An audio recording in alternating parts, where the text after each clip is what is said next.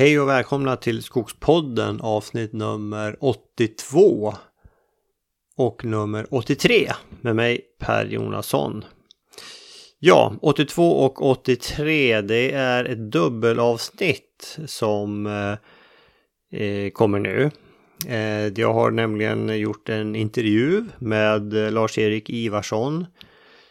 En skogsbrukare som bor strax Eh, norr om Nässjö på en, en väldigt trevlig och fin gård. Jag var där och träffade honom i somras och eh, det här blev en lång intervju och jag började klippa men insåg att ja men det här var faktiskt så pass intressant så jag tycker hela är värt att lyssna på. Så jag har delat upp det på två avsnitt.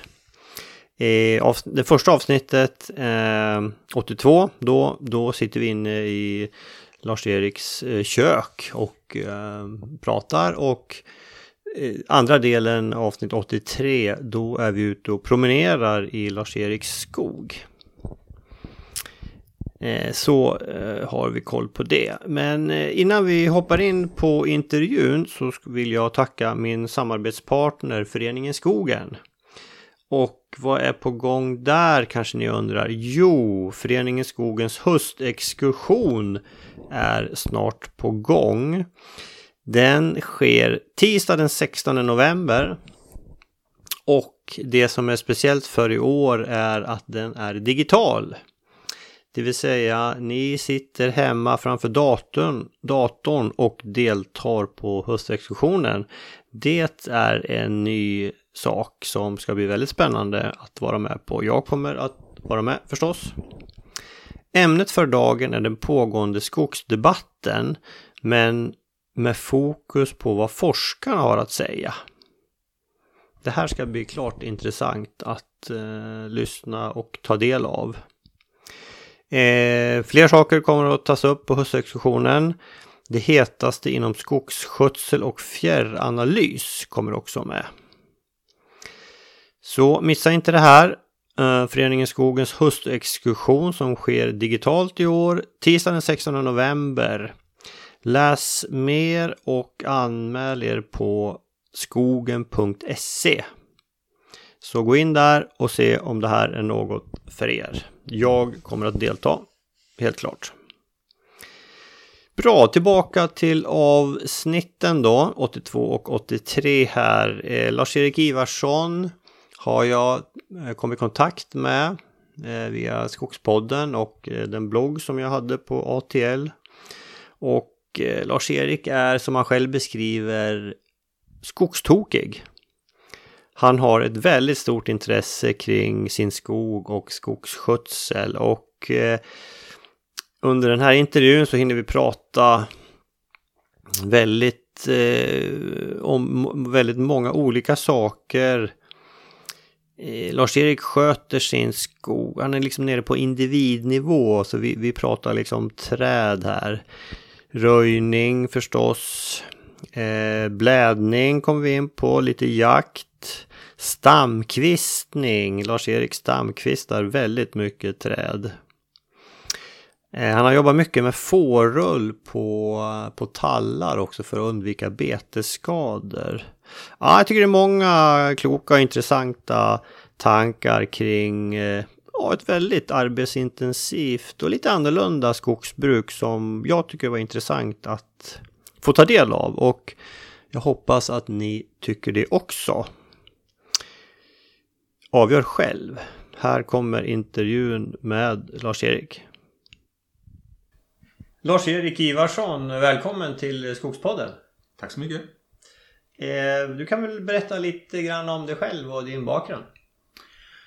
Ja, hur långt ska vi dra den? Eh, jag är född skogstokig. Ja. Eh, var med, född på en, en gård tre mil härifrån ungefär. Som är min mammas föräldrahem och det här är min pappas föräldrahem som jag tog över efter min farbror. Mm. har jag alltid varit med pappa i skogen och sådär. Fick en egen fogsvans som fyraåring så fällde han ett lite lagom stort träd som jag höll på att kvista på.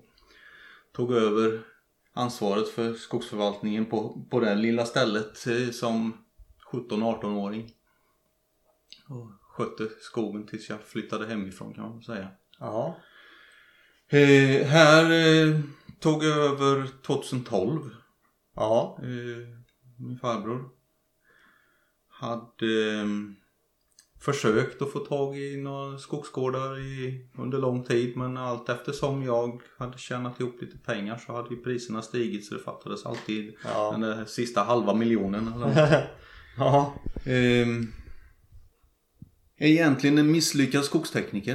Eh, det var det jag tänkte jag skulle bli. Ja. Eh, och gick skogsbruksskola i, i Värnamo och jobbade ett år som manuellhuggare på Södra.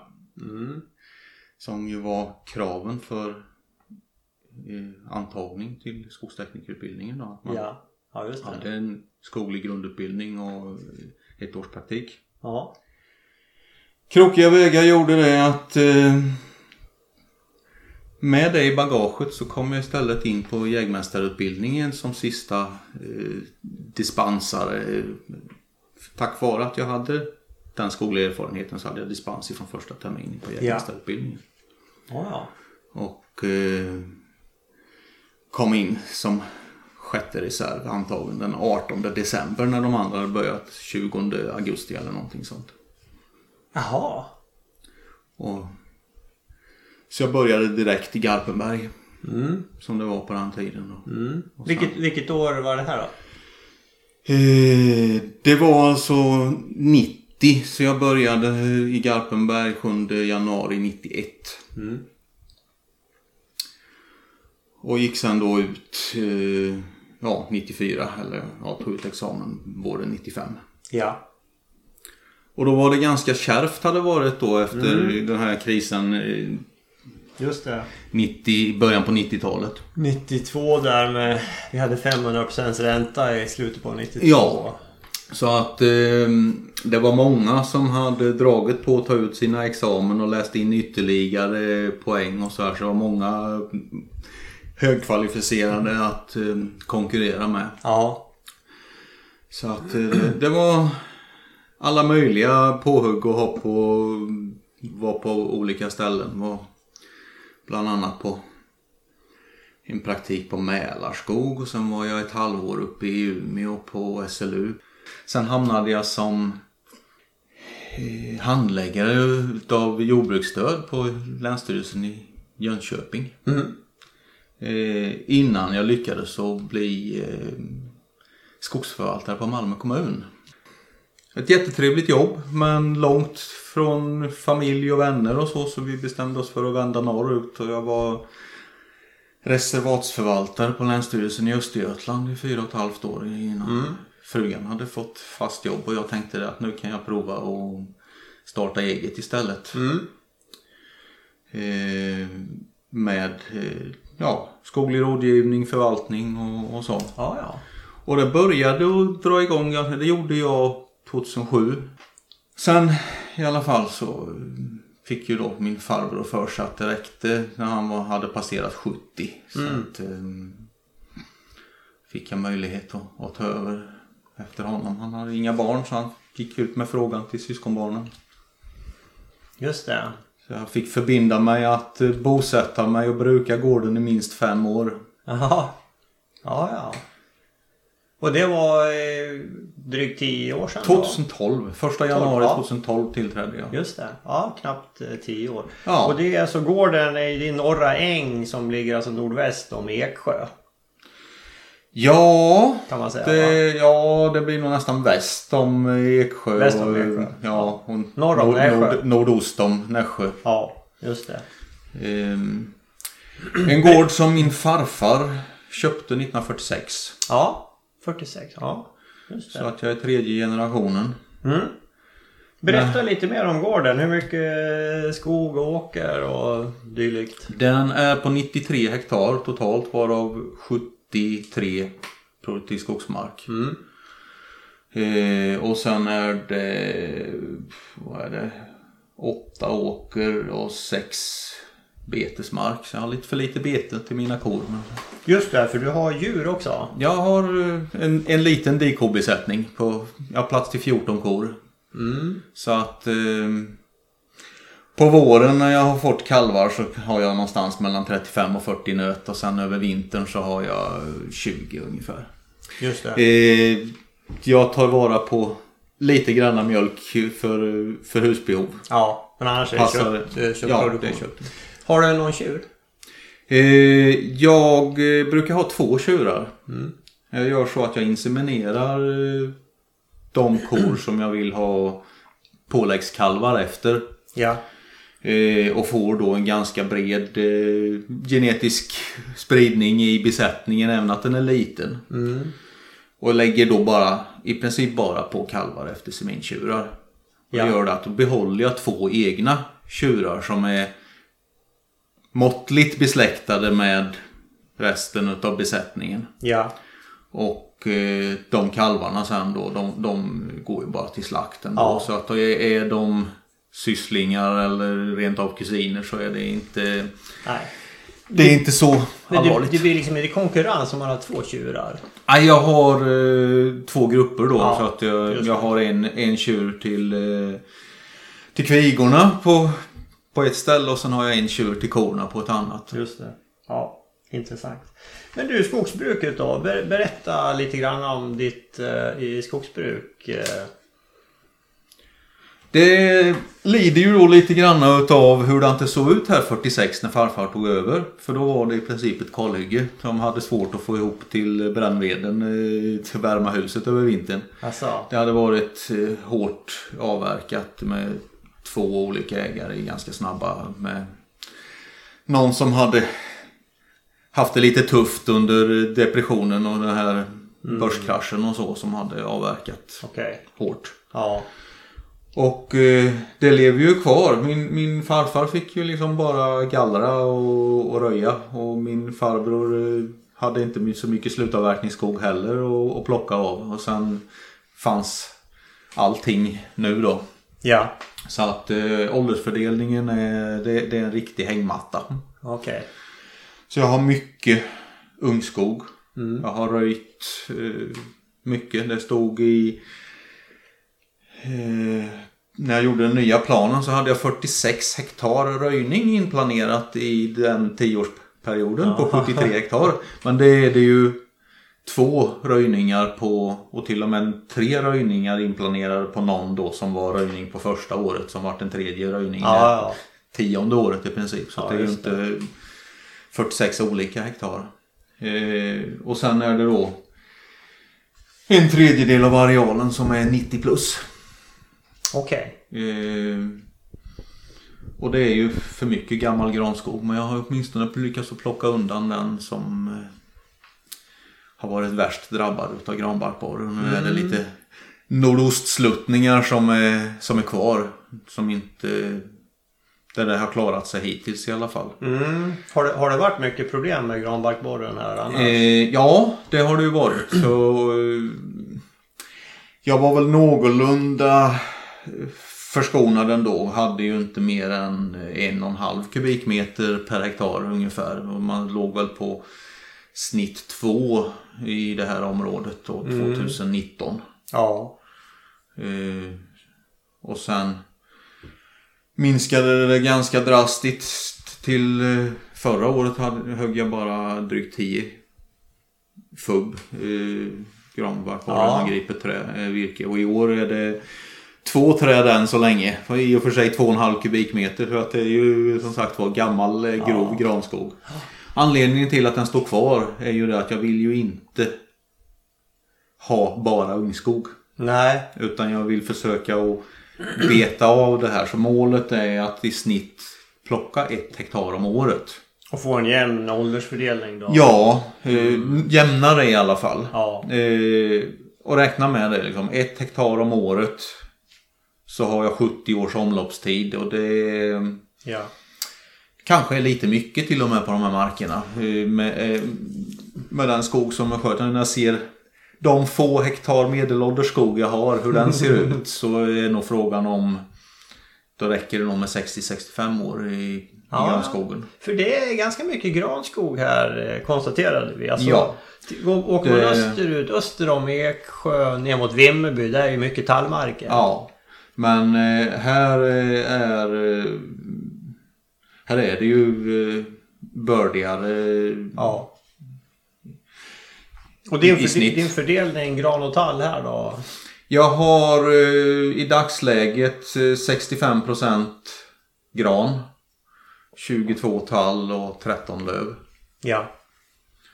Och fastän jag då hållit på och i princip bara huggt gran i 10 säsonger nu då så har jag inte lyckats att, att minska andelen eh, gran mer än eh, 3%.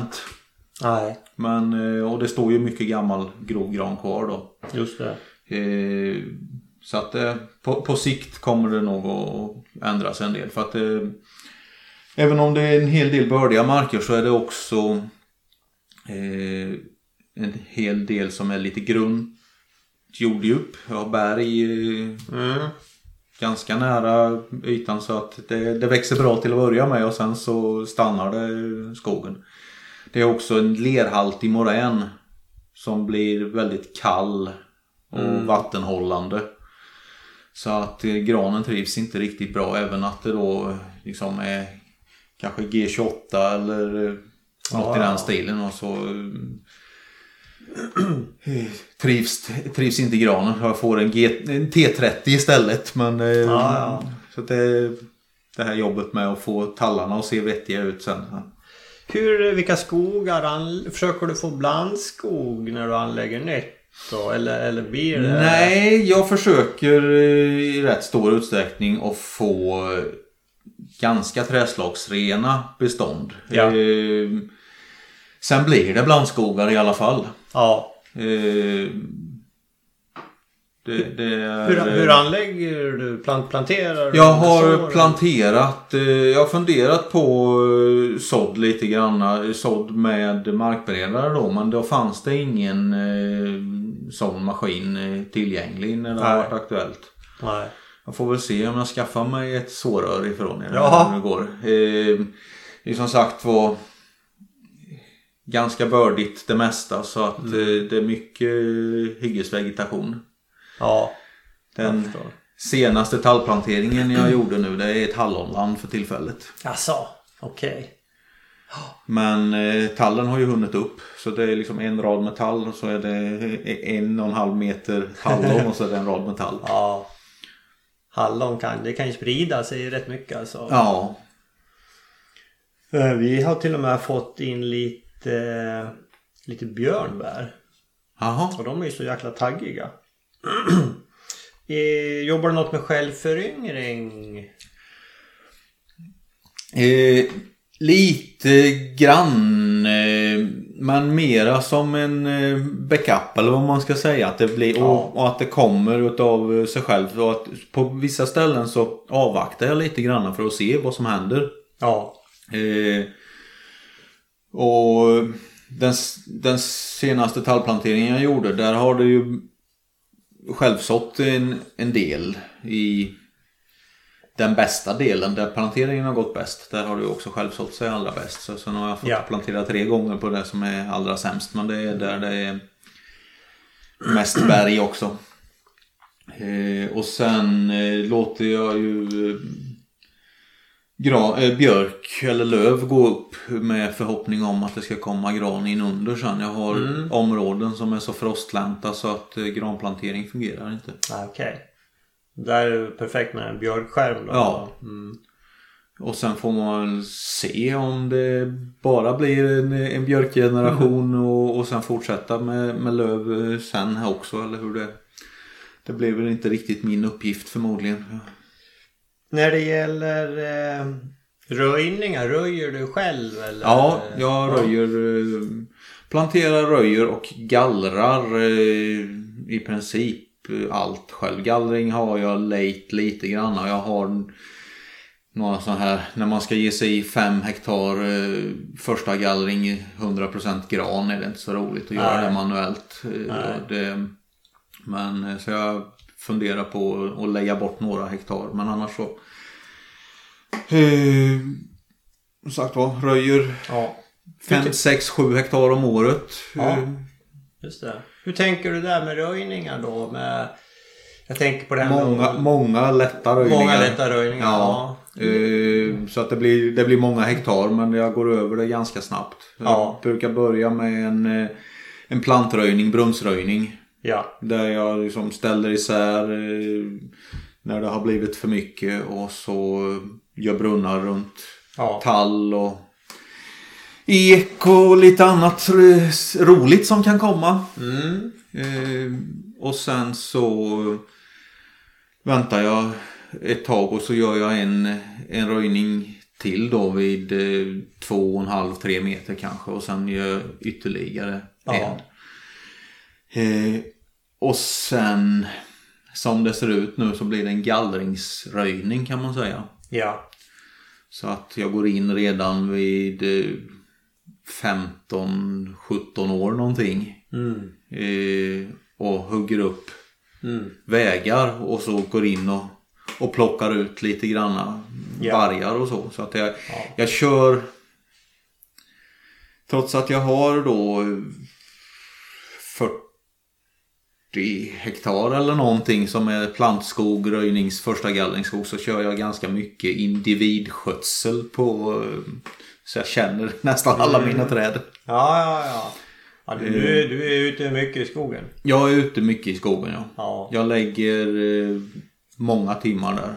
Det, jag brukar säga jag jobbar 100% hemma och så 50% borta. Men nu har det i och med pandemin blivit mindre borta. Annars så jag har en del eh, jobbar på timme åt södra. Jag hade mycket inventeringar utav granbarkborre och, Ja, sådana ja. saker då.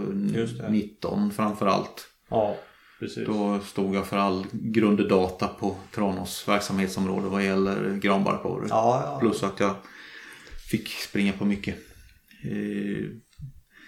fastigheter som folk ville ha hjälp med. Ja. Och det gör jag fortfarande fast i privat regi Ja. så att säga. Då. Just det.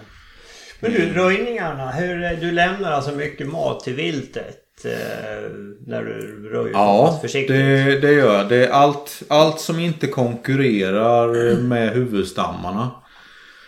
Eh, det lämnar jag. Ja. Eh, och nu har vi haft en eh, relativt låg älgstam i, i några, några år. Mm. Vi har varit, eh, legat på eh, runt sex älgar per tusen hektar i, i vinterstam. Och, och eh, Mm. vi var nere till och med förra årets inventering visade på bara drygt fem. Mm. Men nu var vi uppe i över sex igen på årets Vi gör spillningsinventeringar varje år på Ja. I älgskötselområdet då. Hur är det med, med betesskador då, generellt här? För det är, Eh. ändå, det är inte så mycket tall då som sagt. Nej men det finns ju ganska mycket, ganska mycket löv ändå. Ja. Eh, men eh, ja de sista två vintrarna hade det nog kunnat gått att inte ha tallen eh, viltbehandlad för älgens skull. Däremot har ju rådjursstammen eh, exploderat i, så den börjar ju närma sig vad den var i början på 90-talet nästan. Det är rådjur överallt. Fan. Så att eh, Men jag menar- behandlade menar inte den gran jag planterade förra våren och det är ju 90% betning utav den i, På granen? ja, fan. utav rådjur. Jaha. Så du brukar behandla den annars alltså? Eh, granen brukar jag viltbehandla första hösten. Mm. Men har inte behövt göra det på några år och sen var jag inte med på att rådjuren hade blivit för många nu så att Ja. eh, Så rådjuren är det stora hotet och, och likadant mot tallen då. Behandlar du tallen du planterar? Jag behandlar och det gör jag med ull. Jaha. Jag hade då egna får tills förra hösten men eh, nu så har jag eh, säkrat ulltillgången ändå här så att eh, jag behövde utrymme. Gräset ute till korna och utrymmet inne till hönsen så att de fick inte plats. Hur, hur gör du då? Berätta om det. Jag, på de små plantorna så tar jag en liten liten ulltuss som jag drar ut eh, till 20-25 cm längd någonting och så virar jag det Det ska helst bara vara ett och ett halvt varv runt toppen. Så att det precis låser i barren. Men helst inte låser så att det stryper trädet sen. Men eh, på de små så plockar jag bort det. För att det finns risk för strangulering annars så att det stryper träden. Men du menar att på varje tallplanta, först går du ut och lägger en liten ullklick och sen går du och tar bort den? Den tar jag bort året därpå när, När jag sätter dit nästa. Ja. Och när de har kommit upp eh, i rådjurssäker höjd så har första grenvarvet på, eller, eh, översta grenvarvet på ungefär en meters höjd. Ja. Så lägger jag bara ullen i översta grenvarvet sen. Och det, det, det räcker? Det räcker. vi kanske kan knalla bort i det området sen eh, då. Eh, där är ungefär 400-500 tallar per hektar på ett område på 12 hektar. Och eh, där stannade inte älgen i det området. Nej. De kunde gå rakt igenom. De stannade inte och betade en okej. eller en runn eller någonting. De knatade rakt igenom. Jaha. Sen kunde de lägga sig när de hade kommit ut ur beståndet. Jaha, så doften är så pass... älgen eh, eh, skyr ulldoften så pass. Eh, rådjuren, där går det åt liksom att det, det sitter där de har tänkt att äta. För annars så allting som är mm, längre bort än 30-40 centimeter det bryr de sig inte om det. Nej, okej. Eh, och jag hade den senaste tallplanteringen så hjälpplanterade jag med plantor som var trikobehandlade. Ja. De betades till 75% av rådjuren medan inte en enda av dem som jag hade ull på var rörd. Åh fan. Så även att det är lanolin som är den verksamma substansen i båda så, och det lyser vitt om de här behandlade plantorna och den här ulltussen lyser också då. Ja. Så är det någonting extra Ja. i ullen. Ja, Men det, är- det är lite pyssel är det. Det tar, tar lite tid. eh, 300 plantor i timmen. 300 i timmen. Mm. Det året som jag gjorde flest gjorde jag 21 000. Ja, det är mycket. Så det blir några timmar. ja, det blir några timmar. Eh, plus lite då eh, dubbeltoppsbeskärning och eh, stamkvistning. Eh, så blir det några hundra timmar om året. Just det, för du håller på med stamkvistning också vet jag du har eh, berättat. Ja. Berätta lite om det. Eh, det gör jag på allt utom gran i princip. Eh, stamkvistar, eh, björk och eh, tall, tall och ek. Mm. Eh, och om det finns något annat skojigt också. Eh, jag har eh, lite granna alm, lite granna ask, eh, någon lind finns det. Ja. Bok och avenbok är väl det som inte finns. Ja, fågelbär finns ju också. Den trivs inte heller riktigt i den här lerhaltiga kalla moränen. Så att, Har du mycket ek?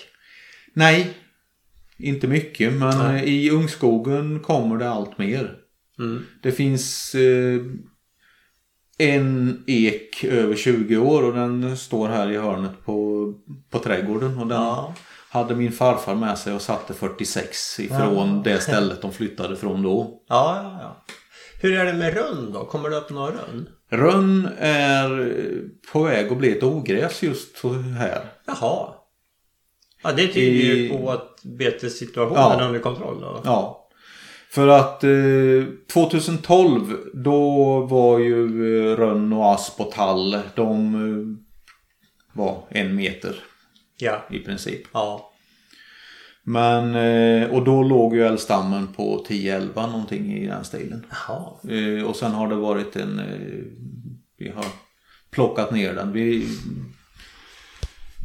ligger ju lägre än omgivande älgskötselområden så att de bidrar säkert med lite älgar till oss Mm. också som gör att vi kan fortsätta och, och skjuta rätt mycket. Men vi, Mm. det, det har ju gjort nytta och man ser det på även grannmarker där man inte viltbehandlar Ja. som jag gör att de senaste åren nu så har ju tallarna klarat sig. Ja, kul. Är du, är du aktiv i älgförvaltnings... Jag sitter som eh, adjungerad i älgskötselområdet eh, som skogsrepresentant. Mm. Ja men då har ni ett bra samarbete markägare, jägare. Ja, nej och det är ju eh, de flesta i älgskötselområdet är ju eh, markägare också. Eller Ja. många av dem i alla fall. Ja. Och är de inte det så är, är det nära anhörig till dem som är det. Så att Ja. det, det finns en, en bra förståelse för, eh, för skogsägarfrågorna. Ja men skojigt. Kul att höra. För Eh. ofta, jag menar, när, man, när man läser även statistiken. eh, Den ser ju inte så, så bra ut i Götaland. Men, men det är kul att höra om bra ja, exempel. Nej, och det, och det kanske kan slå igenom här nu då. Det är ju just det att eh, de ska klara sig förbi rådjuren nu istället då. Mm. Mm. Ja, helt klart. Och rådjursjakten eh, har ju eh, glömts bort Ja. i Har du något... vildsvinsjakt och älgjakt. Ja. Kronhjort då? Finns det? Det finns eh, sporadiskt. Eh, min eh, rågranne här i söder eh, såg en hind på, på, vår, på precis på gränsen till min mark för 3-4 år sedan någonting. Och det, men alltså det, det är någon som Ja. går förbi. Och vi hade ett gäng fyra dovspetsar som rörde sig i området för några år sedan. De försvann också spårlöst. Det är ingen som vet vem som, eh, vems frys de hamnade i. Men förmodligen var det väl där de hamnade. I, i en frys nära dig? Eh, men eh, de finns och de är inte eh, allt för långt borta. Nej. Men eh, även där då så har vi då i, det finns ett, vi, vi har bildat ett eh, kronskötselområde som är samma som älgskötselområdet. Ja. Med målsättningen att vi i princip inte ska ha någon kronhjort. Nej men det är bra. Eh, så att eh, Det låter förståndigt. Det låter som ni har kontroll på det. Men du, vi hoppar tillbaks till, eh, till stamkvistningen av tall. Ja. Ber- berätta, hur går du tillväga där? där eh, börjar jag redan eh, så jag tar ett grenvarv i taget. I och, med, I och med att jag gör de här besöken med, med ull och eh, gör lite beskärningar utav eh, dubbeltoppar och Ja. sådana saker då så, så tar jag ett grenvarv. När börjar du? Jag börjar när det är fem. Så jag sparar fyra grenvarv. Mm, det är alltså, det är ju väldigt tidigt. eh, Med Ja. andra ord. Den är ju... Det gör jag. Men i, i och med att jag då har en planterad eh, tall på en bördig mark så då är de eh, oftast 4, 5, 6 centimeter eh, vid eh, kvistnings... Mm. Ja, Där, jag kvistar. Ja. Och sen fortsätter jag så. just det. Och hur, Eh. hur höga är de då ungefär? Är De... Eh, Alls, de är ju 2, 2,5 meter Ja. någonting. Ja. Nej, men Och då tar jag det nedersta grenvarvet och sen fortsätter jag. Eh, sen had, har jag haft den eh, målsättningen att liksom minst fyra grenvarv, minst halva trädhöjden. Mm. Men eh, de växer ifrån mig konstaterar jag så att jag eh, jag fortsätter med fyra eller möjligen fem grenvarv upp till eh, till full höjd så att säga nu då räknar jag med. För att annars så blir de för grova. Både stammen vid kvistningspunkten och grenarna jag ska ta bort. Men till full höjd säger du? Alltså till... vilken- Ja, vem- när slutar fy- du? fyra och en halv meter någonting sånt då. Ja, Kvistning. fy- fyra och en halv. Ja, Ungefär. ungefär. Mm. Det, fyra och en halv, fem meter någonstans. Fyra och en Det, det beror ju lite på var, var det, det, det där nedersta Ja. kvistvarvet som är lätt att komma Just åt det. sitter någonstans. Men då är det, det är ganska många besök totalt på varje tall du får göra. Ja, det blir det ju. Ja. Det blir väldigt många. Och hur... Men det, är- det, är, det är ett besök om året. Ja, ett besök om året ja. Och hur... Eh, hur väljer du ut? Du gör det här på ganska många tallar. Eh, Jag gör det i, på i princip alla. Eh, upp till två meter. För eh, framkomlighetens skull då när jag ändå ska, när jag nu ska besöka alla en gång om året. Ja. Så det, blir det ju smidigare och smidigare ju mindre grenar det är att, att ta sig fram emellan. Ja. Eh, sen kan det ju då vara små stammar eh, självföryngrat eh, emellan eller så som eh, som jag inte rör alls. Det Som betyder- jag räknar med blir röjstammar bara. Eh, och eh, ja, så att jag, jag två och ett halvt eh, det som är planterat och med lite självföryngring så kan det, så rör det sig nog om eh, uppåt 3000 stammar per hektar som jag gör klipper fem grenar på varje en gång om året. Men det innebär ju att det är många tallar som du stamkvistar som, som kommer att försvinna i Ja. både röjning och Det, gallring. ja, i, i röjningen kommer det kanske inte att försvinna så många men i gallring kommer det ju att försvinna en del. Eh, men sen släpper jag ju dem allt eftersom då, Ja. eh, uppåt. Eh, Ja. Så att jag två, eller där jag når ifrån, jag klipper med sekatör eh, så högt jag når med sekatören och det Mm. blir ju två meter ungefär då. Och sen sågar du. Och sen sågar jag. Just det. Eh, och eh, allt eftersom då, men ha- har jag två jämbördiga träd som kan stå med en meter emellan varandra så håller jag ju på för man vet ju aldrig. eh, En av dem kan få eh, snöbrott eller eh, någon insektsskada som gör att eh, toppen försvinner. Ja. Och, och då vill jag ha med båda som en, en försäkring. Det. Eh, jag, står jag ändå bredvid det så är det inte så. Det är jättemånga Nej. sekunder att dra av grenarna Nej, också. det, det har du helt rätt i. Det, det som tar tid är att ta sig dit liksom. Ja. Så att valet görs lite, lite allt eftersom. Så jag gör inga stamval, inga val av huvudstammar ifrån början. Nej. Och eh, ja, det är ju första röjningen där då som det kan bli lite grann. Liksom Ja. att man, för då försöker jag ju ändå ställa ut så att jag har åtminstone en meter Mm. i, emellan. Eh, I början hade jag ändå mindre men nu när jag fått bukt med älgen så att säga så, så törs jag att släppa det lite mer när jag har kommit förbi rådjuren. Ja. Vad, vad siktar du på för stamantal sen då? Om, om du har en tallskog eh, vid, vid första och andra gallring och även i, i ett slutbestånd. Du kanske inte har kommit så långt på tall. Nej, alltså det, det, den tallen som jag har hållit på med nu då den är ju eh, de äldsta. Ja det finns lite granna som väl är 25 år men annars är det ju mellan 15 och knappt 20 år. Ja. Eh, Så att det, det är första gallring som är, är nästa Ja, nu då. Och eh, vad det blir, det, det är inte... Jag eh,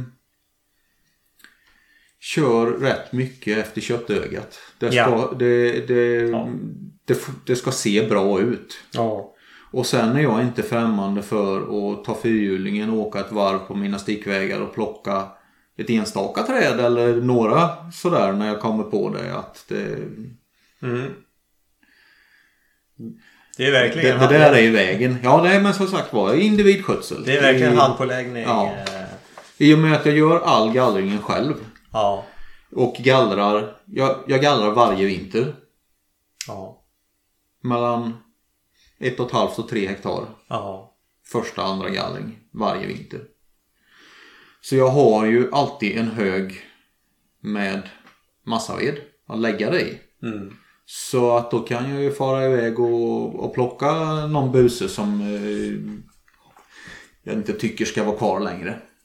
Det är ett otroligt intensivt skogsbruk. Alltså hur många dagar om året är du ute i din egen skog? 52 veckor och 5-6 dagar. Ja, 300, 250-300 dagar om året. Du är ute fem sex dagar i veckan i, i din egen skog och jobbar med på, skogsskötsel. med, med någon. Eh, Alltså vissa dagar kanske det bara är att jag går en vända och letar granbarkborrar. Ja. Men då memorerar jag ju också saker att göra sen. Men eh, Ja, det har varit någon dag som har varit alldeles för varm. Men det brukar kunna vara någon timme på morgonen eller någon timme på kvällen. Som eh, jag har, stångsågen hänger ju i skogen nu. Och sekatören eh, ligger i, i benfickan. Den har du i fickan. ja, imponerande verkligen. Eh, det- Men det är ju... Ja, vintertid är det ju. Men då kan det ju vara ljuset som gör. Men då kan det ju vara heldagar. Då är det sköta korna på morgonen och in och ta en kopp kaffe och sen gå till skogen. Gör du andra kvalitetshöjande åtgärder förutom stamkvistning? Eller... Jag menar, du, du satsar på kvalitet. Det, det, det verkar det som. Ja, det, och jag hoppas ju att eh, det blir fler som skaffar röntgenutrustning till sina sågverk när det blir dags att avverka det här om 50 år eller vad det kan dröja. Ja. Eh, 50-60 sådär. Eh, och att eh, det då ska kunna ge genomslag. Ja. Eh, och eh, även som sagt var även björken. Det, det är ju eh, björktimmer eller eh, Just det. svarvevirke som eh, är målet med den. För den stamkvistar du också ja. Ja, Vad använder du förädlad björk eller? ja eh, det, det, det jag har gjort. Jag har inte satt mer än ett och ett halvt hektar. eh, Har nästa slutavverkning där blir det nog björk också eh, efter det. det Men då eh, på- köper du en förädlad Ja, det, det är det. Och det jag satte var, senast var Ekebo 4. Mm. För han hade fått vänta ett år till innan Ekebo 5 kom. Ja. Och med tanke på hyggesvegetation och sådana saker så tänkte jag det att det är nog eh, bättre för överlevnadens skull att eh, sätta Ekebo 4 istället. Den, den växer bra också gissar jag. Ja, det gör den. Har du, Det- nå- har du några viltskador på, på björken då? Nej, Inte från rådjuren heller? nej.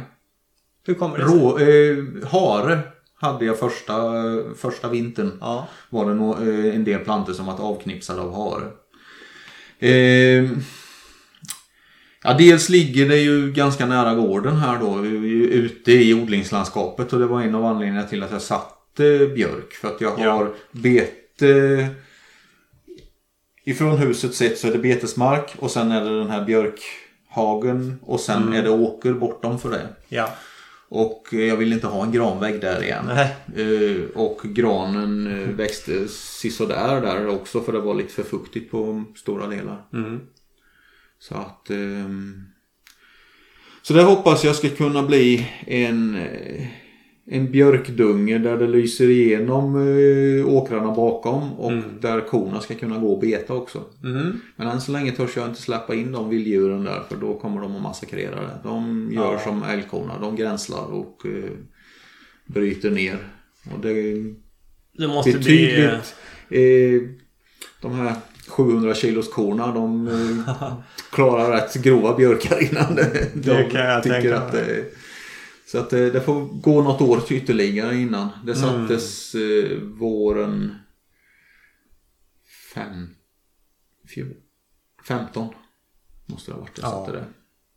Ja, ja. Intressant. Så det är sjätte säsongen nu då. Ja. Och det är, det är en tydlig skillnad mot Visserligen då den självföryngrade björken där den eh, såddes ju det året jag planterade så den ligger ju ett år efter på det viset också. Mm. Eh, Men ser du skillnad i tillväxt? Ja. ja. Jag Eke, Ekebo är dubbelt så hög och eh, tre gånger så grov och då blir ju volymen, jag vet Ja. inte hur många gånger större, tio gånger. Ja.